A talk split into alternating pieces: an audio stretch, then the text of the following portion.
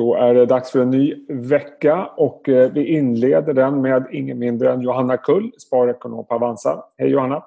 Hej hej! Hur är det med dig? Det är bra. Redo ja. för en ny vecka. Hur är det själv? Eh, det är bra. Det är bra, tycker jag.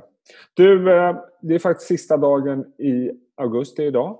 Och mm. eh, vi har precis fått färsk data på hur Avanzas kunder har agerat vad gäller aktier och fonder. Och det är en månad där börsen är upp ytterligare 4% Så någon större oro känner uppenbarligen inte marknaden inför ja, corona och, och så vidare. Eller vad säger du? Nej, men uppenbarligen inte. Vi stormar ju på mot den bästa augusti månaden sedan 1996 på Stockholmsbörsen. Mm. Eh, och det är väl helt enkelt de här låga räntorna som, som har tolkningsföreträde just nu. Eh, lower for longer. Man ser inte att räntorna kommer stiga. Och eh, den, det, den känslan utökades ju ytterligare förra veckan med eh, Jeremy Powells eh, besked där. Så att, Eh, det är en väldigt positiv känsla just nu, även hos privatsparare. Och vi ser rekordinflöden, inte bara till aktier och aktiefonder utan även till sparkonton visade ju eh, Statistiska centralbyråns eh, senaste rapport här förra veckan. Så att det är inte bara det att pengar flödar till riskfyllda tillgångar utan det finns fortfarande otroligt mycket pengar kvar vid sidlinjen för privatpersoner. Och, och tittar vi på nettoinflödena i augusti, precis som du säger, de fortsätter att eh, vara väldigt starka. Eh, du och jag stod i februari, då var det katastrof, det var stora utflöden. Men jag noterar också att det är väldigt mycket högre siffror i augusti i år jämfört med augusti förra året. För Avanzas kunder ska tilläggas. Men jag misstänker att det ser liknande ut på andra håll. Ja, eh, nej men det är otroligt mycket högre i år än förra året och det tror jag har flera förklaringar. Dels att vi har haft en väldigt händelserik och eh, händelserik börs med mycket nyheter kring.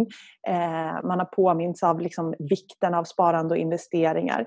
Men också att det här att människors privata ekonomi ser ju ändå ganska bra ut eh, just nu. Räntorna är låga, man tror att det kommer vara det länge än. Eh, många sparar pengar på det här hemarbetet, man åker inte till jobbet, inga lunchlådor, det har inte varit någon dyr semester och så vidare. och Så vidare. Så det finns ganska eh, mycket pengar där ute och vi har bostadspriserna som, där det bara rapporteras om liksom att det är säljarnas marknad, bostadspriserna skjuter i höjden. Så den sammantagna känslan är ju ändå ganska positiv och då märks det av i ökade inflöden. Medan där i februari när vi stod och pratade då så var ju känslan långt ifrån positiv. Ja, stor eh, skillnad i momentum helt klart. Ska vi titta på lite enskilda aktier? Och jag noterar att som vanligt så är det väldigt eh, blandat. Men på köpsidan så tre stora amerikanska techbolag har kommit in. Varav två, Apple och Tesla, är, vad är det? det är post-split idag va? Mm. Det är det. Och eh, de har ju stigit kraftigt av många olika orsaker men även de här mm, mm, beskeden om att de skulle splitta aktierna gav ju en extra skjuts. Eh, och det har ju varit lite i liksom mm, allas ögon på de här stora techbolagen. Och då är det också rimligt att eh, många privatpersoner söker sig dit. Jag tycker inte att det är så oroväckande med tanke på hur sammansättningen i våra sparares portföljer sen innan. Det är mycket bankverkstad, det är de här stora bolagen. Så att man då köper högvärderade amerikanska techbolag, det tycker jag ändå ger en bättre mix så att säga. Sen är det klart eh, vad aktiekursen går i ett kortsiktigt perspektiv. Eh, det är omöjligt att säga men jag kan komma på väldigt många aktier som jag tycker skulle vara ett sämre köp än till exempel Apple. Och, och det tyder lite grann på att det är en större diversifiering i portföljen. För vi ser också på den här listan att det är ett antal klassiskt eh, defensiva bolag. Vi har Astra som dessutom har fått lite momentum med vaccinforskningen. Vi har Swedish Match och även Millicom som är mm. i topp. Mm. Millicom det är en sån här aktie som, som spararna har fått eh, på köpet eh, när det mm. delades ut från, från Kinnevik och många har legat med eh, ganska stor förlust. Mm. Det är en av årets kursförlorare. Samtidigt så är det en av de mest köprekade bolagen. Jag tror väl att alla analytiker som följer Millicom har köp på det just nu. Eh, och här ser man helt enkelt en, en möjlighet att eh, snitta ner sig.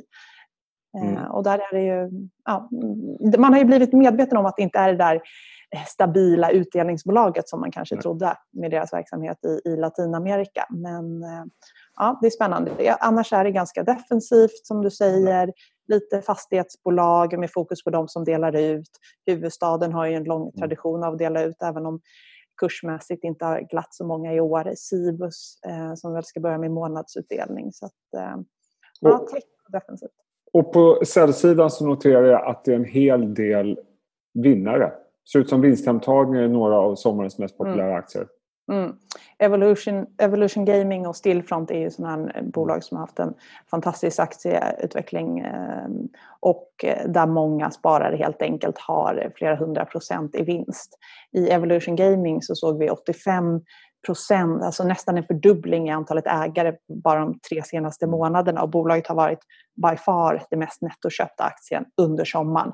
Ehm, och där väljer man nu att plocka hem en del av vinsten. Det ska sägas att det inte är att man kliver ur helt utan det är att man skalar neråt. Ja. Ehm, antalet ägare ökar fortfarande om än inte okay. i samma takt. Ja, intressant. Ska vi ta en snabb titt på hur man har agerat på fonderna också. Och Sverigefonder ligger i topp, tech fortfarande högt uppe. Mm. Mm. Tech har ju prenumererat på, topp, eh, på absoluta toppen egentligen men ser sig nu slagen av Sverigefonder. Det tror jag har lite att göra med att Sverigefonder har ju gått eh, bra senaste tiden. Vi har sett hur svenska kronan har stärkts gentemot dollarn vilket har liksom lagt sig mm. lite som en våt filt på, på USA och globalfonderna och dämpat deras utveckling lite i svenska kronor. Eh, och då vänder man sig till Sverigefonder. Och där är det ju eh, småbolagsfonder framför allt. Eh, och då får man exponering mot de här aktierna som vi varit inne på tidigare som Evolution Gaming, Stillfront, den typen av bolag. Och ädelmetaller kommer in på listan också. Ja, eh, ädelmetaller har ju varit i ropet under sommaren här när eh, dollarn har nått nya rekordnivåer stödd av låga räntor, allmän oro och en svagare dollar. Och eh, guld är någonting som många upp, finner lite svårt att investera i direkt och då finns det ett par ganska omtalade ädelmetallsfonder eh, som, som man har sökt sig till. Där gäller det bara att komma ihåg att där köper man liksom guldet med lite, mm. med lite hävstång. Det är både bolagsspecifik risk och eh, själva priset, eh, guldpriset då, som svänger i värde. Eh, men, men det har ju mm, och eh, tittar jag på säljsidan vad man har sålt så är det ju fortfarande en del obligationsfonder. Men det som sticker ut eh, är ju fastighetsfonder. Eh, och det är ju dessutom en sektor som inte har hämtat sig jättemycket efter botten där i vad var det, mars. Den säljs det ganska rejält av, eller hur? Ja, men fastighetsbolagen har det ju eh, lite kämpigt med den här oron kring butiksstöd, ökat eh, hemarbete mm. och så vidare. Eh, så att där har det varit stora utflöden eh, de senaste månaderna och det är månadens klart mest sålda fonder. Det ska ju tilläggas också att det har varit en del lite uppmärksammade förvaltarbyten vilket sannolikt ökar på liksom, de här utflödena. Ja, det brukar göra det eh, ibland och det här rimligtvis så. Eh, jag tänkte på en eh, avslutningsvis, har du någon annan spaning inför hösten? Men det har ju varit så att vi har haft ett halvår med en helt fenomenal eh, börsåterhämtning och börsuppgång där vi har sett väldigt många nya investerare, inte bara i Sverige utan liksom, eh, världen totalt sett.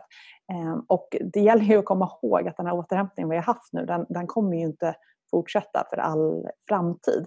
Och just nu är ju alla väldigt eh, positiva. Om man kollar i Bofa, Merrill Lynch, ehm, eh, förvaltarundersökningar, om man frågar privatpersoner och så.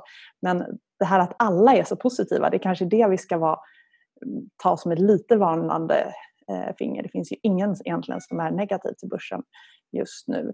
Eh, och vi har Brexit som vi inte pratar om överhuvudtaget.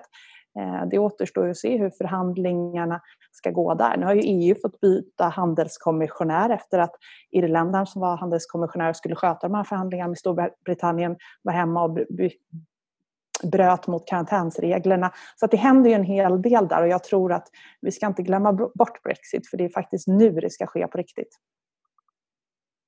Ja, intressant. Det borrar här i bakgrunden så jag får prata lite högt. Men eh, väldigt intressant att lyssna på de här spaningarna. Jag tror också som du att det blir en intressant höst. Eh, det verkar som eh, Alla är positiva just nu, men det, finns, det kanske är det som är risken. Johanna Kull, tusen tack för att du tog dig tid. Tack, tack.